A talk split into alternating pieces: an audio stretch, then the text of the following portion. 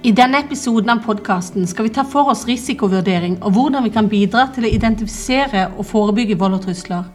Risikovurdering handler om å vurdere hvilke faktorer som kan øke risikoen for vold og trusler, og om det finnes tiltak som kan redusere den risikoen. Ved å gjøre en risikovurdering kan man øke sin bevissthet om mulige trusler og sette i verk tiltak for å forebygge vold og trusler. Så hva er risikovurdering, og hva innebærer det? En risikovurdering er jo en strukturert gjennomgang av de situasjoner hvor de ansatte kan møte vold og trusler, og en vurdering av de tiltak som kan både enten redusere eller kompensere for den risikoen. Eh, Det som er veldig spesielt når det gjelder den vold og trusler, er jo at arbeidsmiljølovgivningen har blitt skjerpet nå eh, opp gjennom årene. Og 1.1.2017 så fikk vi mange endringer som ble inkorporert i arbeidsmiljøloven. Vi fikk et eget kapittel i en egen forskrift. Og det er helt konkret hva man nå skal ha med. Og det er det veldig mange som ikke har fått med seg. At man da skal ha, dekke kompetanse til de ansatte, man skal gå gjennom gjennomførte tiltak, effekten av de. Og i tillegg når vi gjør dette, så har jo vi en nettbasert kartlegging som vi bruker. Og der måler vi også risikopersepsjon, vi måler kommunikasjon, vi måler grad av sikkerhetskultur. Og det er jo her man har muligheten til å få ta temperaturen på virksomheten og få fram de ansattes perspektiv. For den tiden hvor lederen satt på kontoret sitt og gjorde en risikovurdering, den er nok litt forbi. Vi må ut, vi må spørre, vi må få ut informasjon fra de ansatte. Så hvordan kan en risikovurdering bidra til å identifisere og forebygge vold og trusler?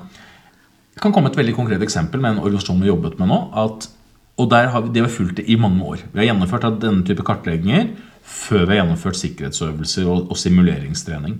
Og da har vi sett opp gjennom årene at de risikofaktorene som de har nevnt, de har jo endra seg. Og deres risikopersepsjon, altså deres subjektive opplevelse av risiko, den har faktisk blitt redusert år for år. Og det de trekker fram selv, er at de opplever økt trygghet fordi at organisasjonen har satt i gang mange tiltak. Så det er jo en måte å benchmarke rett og slett eh, sikkerhetsarbeidet på. Og kunne nivåsette hvor, hvordan skal sikkerhetsnivået være hos oss. For en viktig del av dette er jo også hvor, hvor høyt sikkerhetsnivå skal vi ha? Hvor, hvor høy, verdi er sikkerhet i vår organisasjon? Eh, Og det er jo det vi gjør når vi gjennomfører risikokartlegging. Vi nivåsetter det, og vi får med de ansatte med på laget, rett og slett. Så, så hvordan kan man vurdere hvilke faktorer som skal øke risikoen for vold og trusler? Når vi har forska på dette, så har vi identifisert tre ting som vi jobber med veldig aktivt. Det ene er, det er generelle risikofaktorer. Og det er jo faktorer over de personene som utgjør en risiko. Og, og den ser vi ofte knyttet til det kan være alkoholpåvirkning, narkotika, eh, psykiske lidelser, ulike eh, tegn på, på stress. Og det å kjenne først er jo å kartlegge risiko de personene vi møter. Og allerede her så har vi jo veldig mye jobb med de ulike underkategoriene her. Det andre er jo de situasjonelle risikofaktorene. og Det er det som er det viktigste å få med de ansatte på. Hvilke situasjoner opplever de ansatte risiko for vold og trusler? Er det når de er på arbeidsplassen? Er det når de er utenfor arbeidsplassen? Er det når de er alene? Er det når de er sammen med andre? Er det innenfor arbeidstiden? Er det utenfor arbeidstiden? Dette er jo faktorer som er utrolig viktige. At vi har full kontroll på. Og så er det rett og slett de ansatt bevissthet rundt de tiltakene som kan være med på å redusere risiko. Vet de hvordan de skal utløse alarmen, f.eks.? Vet de hvordan de kan, skal evakuere? Kjenner de sikkerhetsinstruksene, egentlig? Ja. Hvilke tiltak kan man sette seg i verk for å redusere risikoen for vold og trusler? Her har vi sett en, en veldig trend de siste årene hvor vi har sett mer og mer fysisk sikring. Hvor vi har f.eks. det kan være både i sosialsektoren særlig, at man gjennomfører samtaler på egne samtalerom. At man har mer bruk av alarmsystemer. At man har rett og slett mer fysisk og teknisk sikkerhet som fokus. Og så ser vi at det endres jo litt nå, for nå man, jobber man jo mer og mer utenfor arbeidsplassen. Man er mer og mer hjemme hos pasienter eller brukere. Eh, Så det ser vi i helse- og sosialsektoren. Innenfor oppvekst- og utdanningssektoren så ser vi litt det samme, at man øker den fysiske sikkerheten, f.eks. på skoler. Eh, Så vi ser jo det at tiltak man setter i verk, de er jo i en, i en veldig endring. Samtidig som det handler om de verdiene. Hvor åpen skal organisasjonen vår være? Eh, I forhold til hvor mye skal vi lukke den ned? For veldig mange av disse tjenestene som har den høyeste risikoen, har jo også en veldig viktig funksjon i samfunnet å levere tjenester.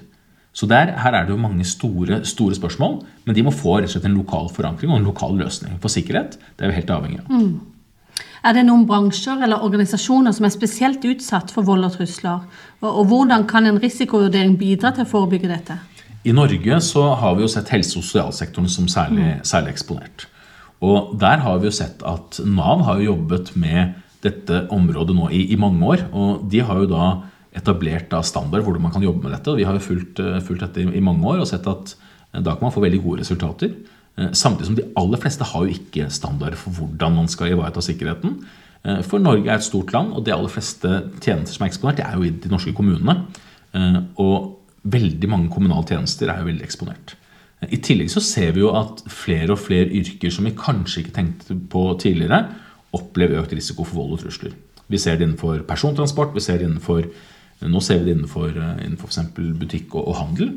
Så vold og trusler og det å beskytte oss mot det er nok viktigere og viktigere. kommer til å viktigere og viktigere tiden som kommer. Men noen har større muligheter enn andre. Det er kanskje de særlig de som da gjennomfører f.eks. konkrete samtaler på et bestemt sted. De kan være med å sikre lokalene sine med fysiske og tekniske sikkerhetstiltak. Og så vil vi nok også se at man bruker digitale flater i større og større grad for å skape også en barriere mellom de ansatte og de som de må forholde seg til, som kan utgjøre en viss risiko. Så det var episode om risikovurdering og hvordan det er med på å påvirke tiltakene våre. Og Det er ikke tvil om at risikovurdering er noe som er helt avgjørende. Men husk på det, at det å kartlegge risiko handler også om å få en, en ta temperaturen på de ansattes opplevelse av risiko. Og se også om de tiltakene man gjennomfører, får positiv effekt for de ansattes opplevelse av sin egen trygghet. I neste episode skal vi snakke om en metodikk for håndtering av vold og trusler.